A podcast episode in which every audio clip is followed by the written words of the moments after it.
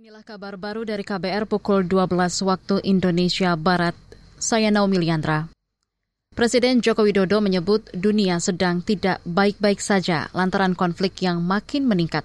Presiden menyebut itu berdasarkan catatan Global Index 2023. Menurut Jokowi, konflik telah berdampak pada perekonomian dunia. Itu disampaikan Presiden saat membuka ASEAN Intercultural and Interreligious Dialogue Conference hari ini tahun 2008 ada 58 negara yang terlibat dalam konflik dan saat ini menjadi 91 negara. Angka kematian akibat konflik global pun meningkat menjadi 238 ribu jiwa dan dampak ekonomi dampak kerugian ekonomi naik 17 persen menjadi 17,5 triliun US dollar, setara dengan 13 persen dari GDP global. Sangat besar sekali. Presiden Jokowi menambahkan masyarakat dunia juga makin tidak religius. Merujuk survei ISPOS Global Intelligence tahun 2023 di 26 negara, hampir 30 persen orang menyatakan agnostik dan ateis. Untuk itu Jokowi berharap konferensi antar kultur dan antaragama menjadikan ASEAN sebagai epicentrum perdamaian dan juga toleransi.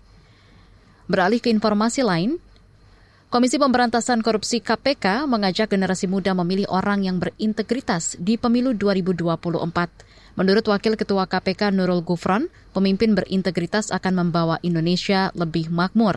Ini disampaikan Gufron saat meluncurkan kelas pemuda dan LSM anti korupsi KPK hari ini. Pemilih di 2024 itu 56 persen adalah generasi Z, pemuda-pemudi. Karenanya kami berharap awali harapan-harapan itu untuk bercita-cita Indonesia bebas korupsi, bisa adil, bisa makmur, itu pilihlah orang-orang yang berintegritas di di 2024 tadi. Wakil Ketua KPK Nurul Gufron mengatakan masyarakat akan hidup damai jika Indonesia bebas dari korupsi. Dia mengajak kalangan pemuda berpartisipasi dalam pemberantasan korupsi. Salah satunya dengan berani melapor jika menemukan praktik korupsi di sekitarnya. Kita ke informasi cuaca. Saudara Badan Meteorologi, Klimatologi, dan Geofisika BMKG mengimbau masyarakat pesisir mewaspadai potensi gelombang tinggi hingga 4 meter hingga besok. Dikutip dari Antara, Kepala Pusat Meteorologi Maritim BMKG, Eko Prasetyo, mengatakan gelombang tinggi disebabkan pola angin di Indonesia.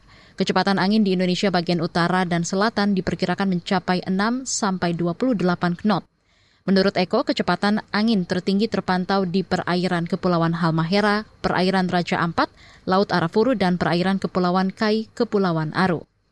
Para nelayan dan operator pelayaran diimbau mewaspadai dampak buruk impas gelombang tinggi tersebut. Demikian kabar baru, saya Naomi Liandra.